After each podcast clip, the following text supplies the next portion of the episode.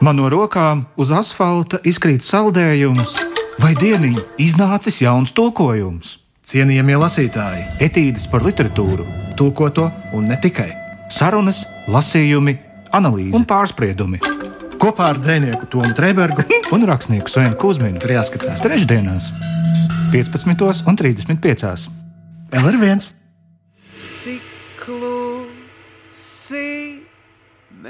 Mēnestiņš slēp, cik klusi tumsa zemisē, cik klusi potniņš dziesmu sāk, cik klusi zaķīts uz abelēm nāk.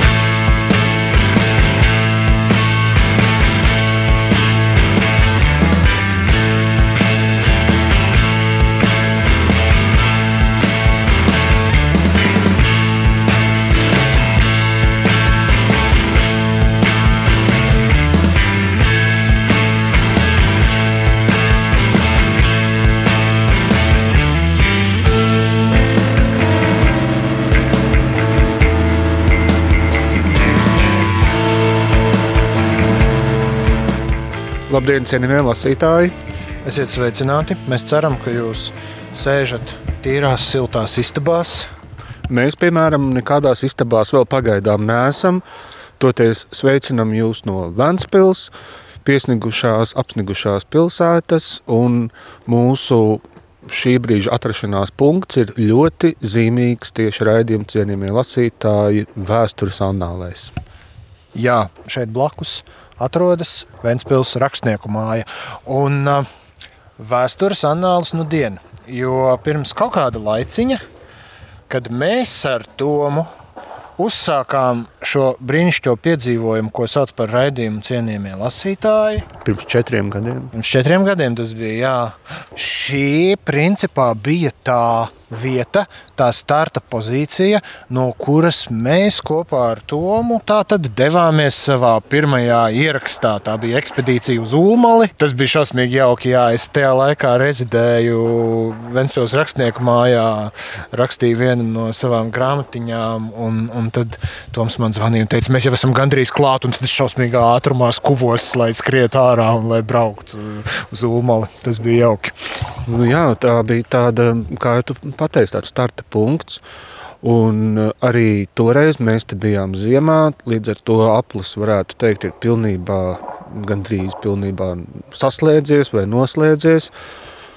Un tagad kopā ar jums dosimies iekšā mājīgajās uh, starptautiskās rakstnieku tulkotāju mājas istabās. Satiksim rakstnieku mājas vadītāju Andru Konsti. Un arī starptautisko projektu vadītāju Ievu Balodi. Oreku durvis. Aha, Durvis atdarās. Un tūlīt jau. Tas tāds jau tāds - čau, čau, čau, labdien! Nosalāt, jūs ar mašīnu? Nu, čau! Jā, jā, mēs tikko, tikko mēs... Jau sākās viss, jā? Jā, Viss mēs sākās, kā no mēs- kuģa uz balli pataisnā. Pat cepuri neņemsiet no labi Ņemsim, ņemsim. Labi. Mēs jau mašīnā sākām rakstīt raidījumu. Jā. Lūk. Nu.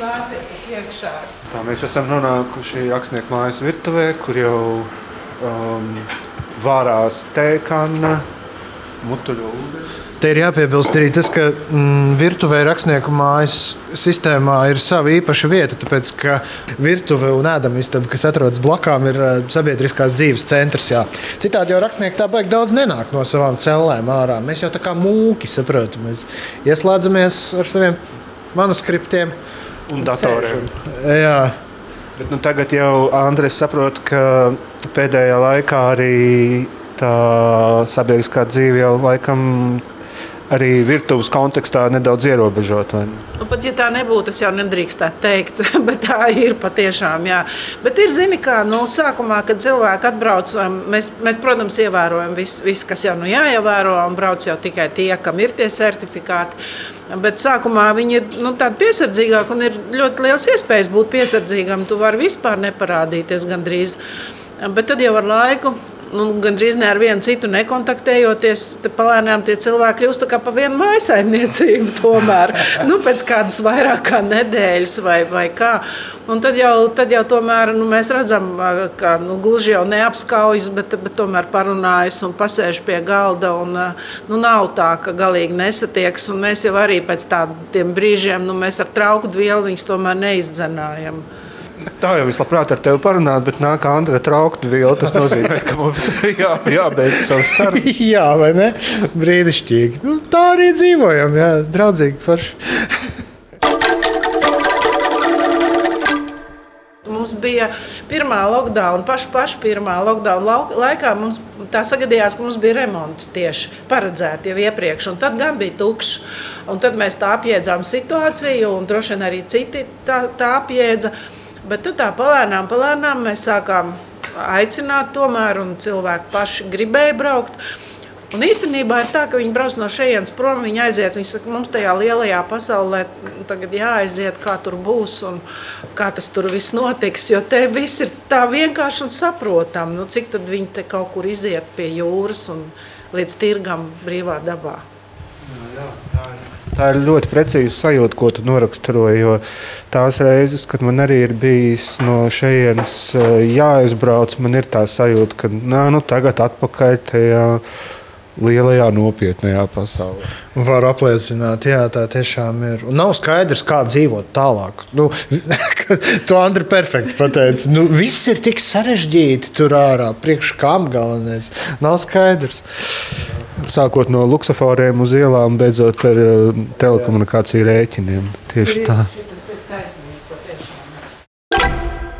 Nu, no ārzemēm nu, mazāk kādreiz brauc, jo viņi baidās ne par pat par covid, bet vairāk par tiem sarežģījumiem, kas ir kurā vietā, kā nu, pēkšņi ir ieviests karantīna vai vēl kaut jā, kas, jā, jā. un tu nezini, vai, vai uz robežām tur, vai arī tur kaut kāds certifikāts nedarbojās. Mums, Nākamais, piemēram, domāju, pat būs otrādāk, jo tagad ārzemnieki visi jau ir vakcinējušies, nu, viņi protams. visi jau sen brauc, viņiem tur viss jau notiek, un patiesībā tieši viņi ir tie, kas ļoti intensīvi prasa, nu, tagad viss kārtībā, mēs braucam. Es domāju, ka tieši ārzemnieki tagad sāks braukt vairāk. Jā, nu tā, tagad vienā brīdī bija vairāk latviešu, un tas arī nebija slikti. Tādēļ, ka uh, atbrauc tādi cilvēki, kuri līdz tam bija domājuši, ka nu, viņus jau noteikti neņems. Un, uh, viņi nebija ne pieteikumu rakstījuši, ne izmēģinājuši, bet, bet kaut kā viņi tā bija domājuši, ka nu, neņems. Uh, no kurienes tas ir grūti pateikt. Uh, Bet tad, tad viņiem acīm redzot, likās, ka tajā Covid laikā nu, gan varētu būt mazāk, vai viņš būs viens no retajiem, un tad pieteicās. Nu, tā mēs arī tikām pie, pie tādas jaunas publikas, mm. ne, patiesībā, kas, kas līdz šim nebija. Diezgan daudz bija tādu, kur atbrauc, kas mm. līdz šim nebija bijuši. Un tas ir ļoti labi. Tas ir ļoti labi. Mēs pat domājam, vienais, kā tas būtu eksperimentēt, ja būtu tikai latvieši. Nu, vai tā māja vajadzīga, vai viņi vispār varētu eksistēt kā latviešu rezidentu māja un pilnīgi simtprocentīgi varētu. Gadu, jā, mēs tā dzīvojām. Un, divi gadi, jau... pat nu, pusotru, teiksim. Jā. Un nevienu brīdi nebija tā, ka būtu tukša māja bijusi. Nu, varbūt kāda vieta, kāda reize, bet tā, patiesībā visu laiku tāpat bija cilvēki, tāpat bija pilna māja. Bija arī tulkotāji? Jā, protams, jā. protams. Bija arī nu, gan tulkotāji, gan dzēnieki. Nu, nu, dažādi ļoti. Nu, kas nu, mums ir, tie arī brauc visi. Jā, jā, arī zinātnieki, starp citu, man, man tas arī ļoti patīk. Ka, piemēram, nu, tagad nu, pat pie mums dzīvoja Gunda Grīnuma arī, un, un, un arvien vairāk Eva Eglāja Kristsona dzīvoja. Tieši Beata Paškēvics tagad ir šobrīd. Tas, tas man arī šķiet, jo mēs jau neesam tādi burta kalpi. Nu, man liekas, ka literatūra un literatūra pētniecība, mēs to visu tā ietveram tie visi varētu braukt. Varbūt arī viņiem tas bija tāds jauns atklājums. Ir aizvien vairāk tādu, kas gribētu tulkot, un mēs gribētu arī, lai vairāk ir tādu, kas grib tulkot. Bet tā kā šādu iespēju mācīties latviešu valodu Latvijā praktiski nav, ne akadēmiskā līmenī, ne, ne tādā kursu līmenī, patiesībā tāda augstākā latviešu valodas līmeņa, tu Latvijā nekur nevar apgūt. Arī ar Džeidu Vilu mēs runājām, ka viņš jau vairāk vai mazāk zina to latviešu valodu, bet neviens nepiedāvā to līmeni, kas viņam šobrīd ir vajadzīgs. Nu, patiesībā jau tādu A līmeni. Jā. Un tad nu, mēs sadarbībā ar Vēncpils Universitāti, Vēncpils augstskolu un viņu pasniedzēju Sintu Jozoliņu kā eksperimentu. Patiesībā toreiz uzaicinājām Jose Luiju Palazonu, kurš bija absolūti iemīlējies gan Latvijā, gan latviešu valodā. Gan Sintijā, man liekas. Un gan Sintijā. un, un, un viņu aizrautība patiesībā laikam aizrāva arī mūs, jo Jose Luis pēc tam arī pats par to visu maksāja. Viņš pats brauca un dzīvoja Latvijā gan arī pusgadu, lai šo valodu apgūtu. Un tad mēs ar Sintīnu vienojāmies, jā, ka mēs sludināsim diviem cilvēkiem gadā, kas grib tas, lai piesakās. Bet nu, patiesībā mēs tā diezgan piegājām tā, ka nu, jebkurš, jebkurš, kas grib tulkot, kas vēlas, var pieteikties. Bet nu, tagad man liekas, mēs tomēr izvēlamies pēc principa, ka viņš jau ir kaut ko tulkojis un ka viņš jau zina kaut ko no tās latviešu valodas. Un pats galvenais kriterijs, ka viņš ir profesionāls tulkotājs. Nu, gluži tā, ka jebkurš cilvēks, kas gribētu tulkot no latviešu valodas un gribētu nezinu, dzīvot Latvijā, mēs droši vien vairāk neņemsim, jo nevienmēr jau izdodas tie eksperimenti. Bet lielākoties jau izdodas, no vai ne? Jo, jo nu, tas ir tāpēc, es papildināšu, ka mēs apmaksājam tādā gadījumā ceļu un divu mēnešu dzīvošanu mm. šeit. Viņš saņem arī tātad, to, to mūsu to stipendiju, to grantu. Un, nu jā, un tad, tad viņš var te dzīvot un, un mācīties. Bet uh, es domāju, ka ir mums pilnīgi brīnišķīgi gadījumi. Piemēram, nu, pat Margarita jau arī sāk ar to, ka viņa šeit mācījās, atmācījās atpakaļ latviešu valodu. Nu, Margarita Carbonaro, kur nu jau Itālijā ir izdevusi četras laikam, mm. grāmatas, ja ne vairāk. Viņa bija aizmirsusi bērnībā, kā viņa ar ir runājusi, bet tas jaukākais jau bija tas, ka viņa dzīvojot šeit, Latvijā, viņa teica, es tagad saprotu pilnīgi citu savā raksturā, savu pusi. Jo es domāju, no kurienes man ir tas un tas. Un, un tad, kad es atbraucu uz Latviju, es ne tikai iemācījos valodu, bet izpratu arī pati sevi daudz vairāk. Viņa mums ir tāds, tāds tiešām ļoti izcils gadījums, bet, bet ir jau vēl arī citi. Nu, piemēram, šovasar Kevins, kurš te bija ar, jā, ar, ar meitu, abi divi patiešām ļoti cītīgi mācījās latviešu valodu. Amerikānis, īsts amerikānis ar, ar, ar meitu amerikānieti.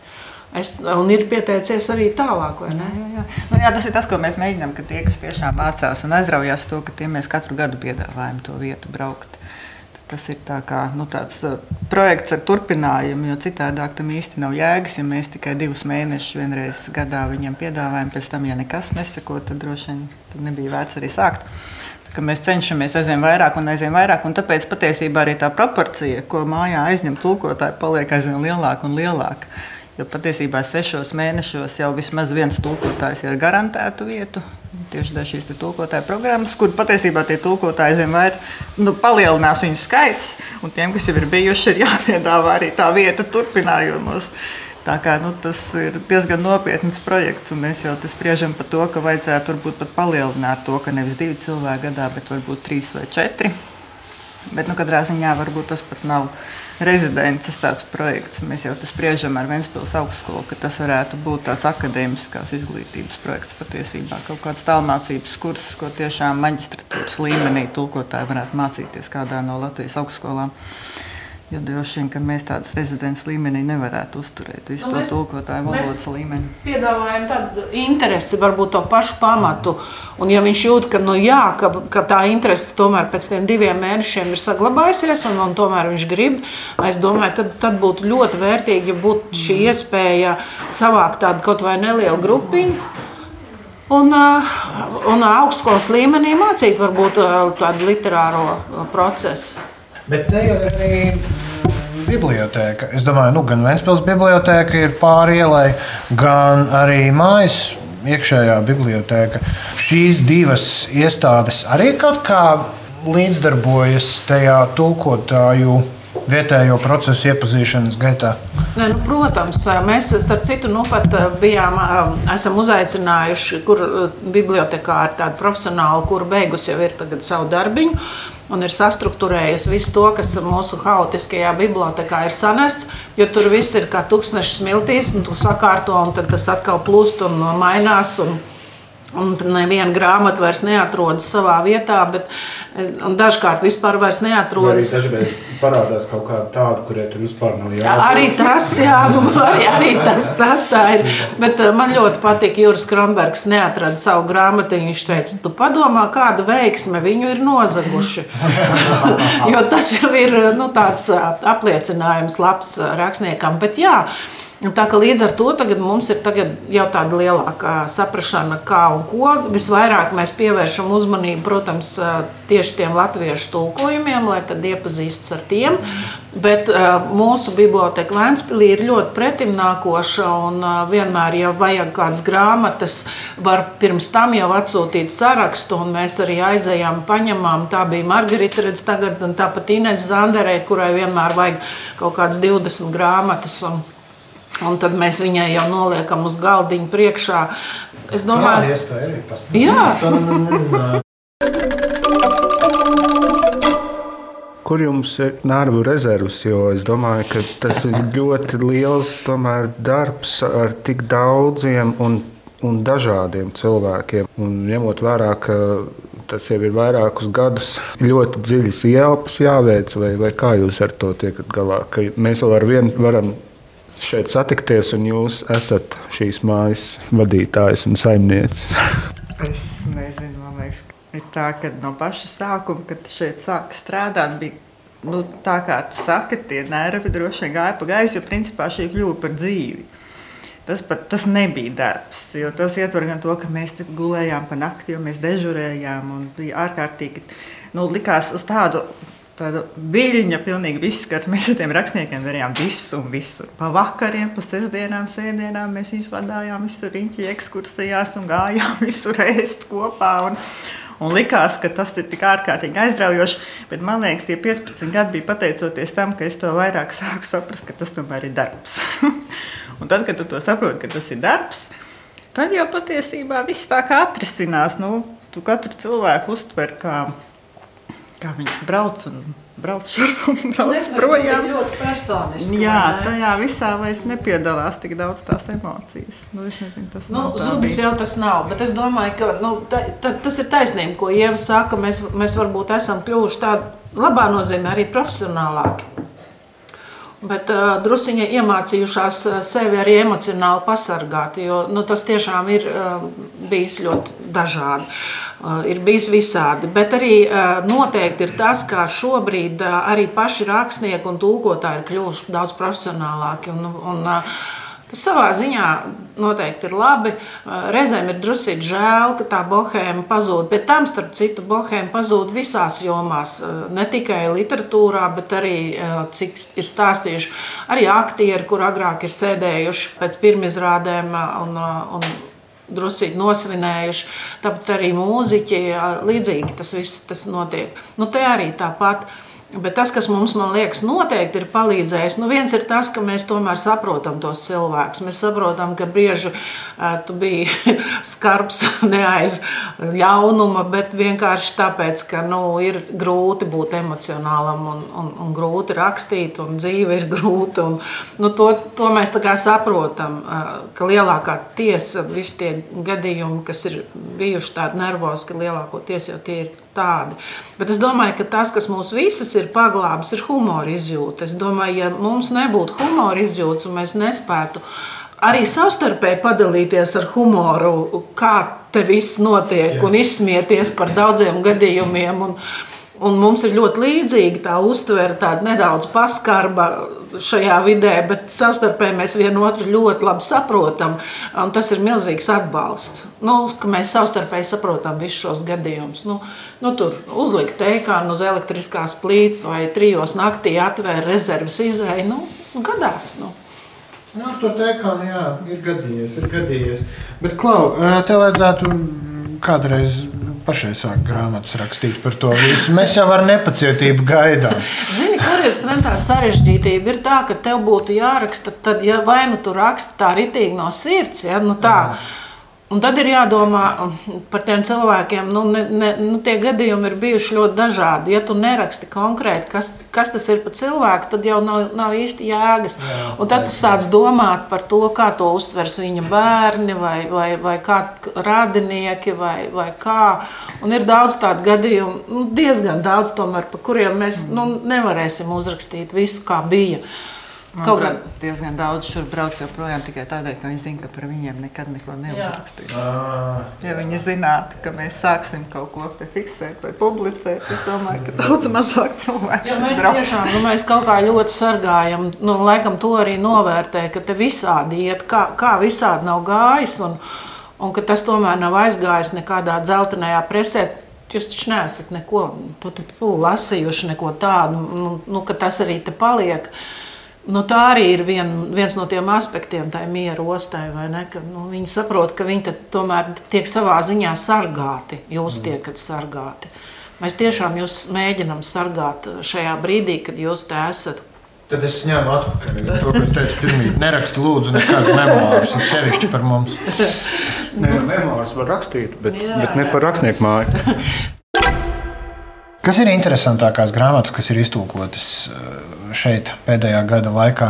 Ja mēs pēdējo gadu runājamies tā ar tulkotājiem un noskaidrojam, kurš ko un kā ir darījis un veicis, un ko kurš mums piedāvā palasīt. Kamēr mēs to darījām, kas interesants ir iztulkots šeit? Tu domā no latviešu literatūras uz citām valodām? Jā. jā. Nu, Es tikai varu teikt, ka patiesībā jau to procesu vairāk kūrē Latvijas literatūras birojas Rīgā, bet mums ir vienošanās, ka visas tās grāmatas, vismaz viens eksemplārs, nonāk mūsu bibliotekā. Tāpēc nu, kā vairāk vai mazāk mēs to procesu saprotam, bet nu, mēs viņu saprotam tikai nu, postfaktum, tad, kad tā grāmata pie mums ir atnākta. Tūkošanas procesā mēs tā kā mazāk esam iesaistīti. Nu, katrā ziņā tas, kas ir no jaunākajiem, kas taps tulkots, ir uh, Kalnozola kalendārs mani sauc uz lietuviešu valodu. Nu, katrā ziņā mēs esam drusku piepalīdzējuši arī, jo šeit ir tulkots Jāņa Joņeva, tā Jālgava 94, katrā ziņā Margarita Karbonāra, kas ir tulkojusi Regīnas ezeras nu, jau divus darbus un Zigmunds Kuiņa darbus. Šobrīd tulko tautas dziesmas. Anetas Melitas kiosks vairākās versijās. Tapis arī mūsu mājā uz igauņu valodu kontrē tulkojas. Andra Akmentiņa skolotājs arī tulkoja kontraktu mūsu mājā. Jā, vēl ir tāda lieta, par ko varbūt tā nepiemina, bet mēs dažkārt arī esam balva. Piemēram, Baltvilka balvā mēs esam viena no balvām, ir rezidents mūsu mājā tiem uzvarētājiem. Tāpat tagad Baltika International Bank tajā jauno autoru konkursā arī mēs esam balva. Un tā ik pa brīdim mēs kaut kur esam balva mūsu prozas arī lasījumos. Un, un, un tā, tā, tā, tā, tāda mums arī funkcija ir, ka mēs esam balva. Un bez šaubām man, man liekas jāpiemina arī to, ka ar mūsu atbalstu var braukt uz citām rezidencēm. To, to varbūt tā neiedomājas. Ka, nu jā, ka mēs diezgan bieži varam ieteikt un neprast tur tālāk ne kultūras ministrijas ieteikumu, neko. Pilnīgi pietiek ar to mūsu ieteikumu, ka mēs varam ieteikt uz, uz kādu, kādu rezidenci, un, un, un, un tur cilvēki var aizbraukt. Cienījamie lasītāji, šodien mēs jūs uzrunājām no Startautiskās Vēncpilsnes rakstnieku un tulkotāju mājas, un ar pīrāgiem un kafiju mūs cienīja tās vadītāja Andra Konste un starptautisko projektu vadītāja Ieva Balode, bet ar jums mēs tiekamies un sadzirdamies jau nākamajā nedēļā. Jā, mēs sadzirdamies un jā, mēs tiekamies. Jā. Paldies, cienījamie lasītāji, un uh, priecīgus svētkus un visu pārējo.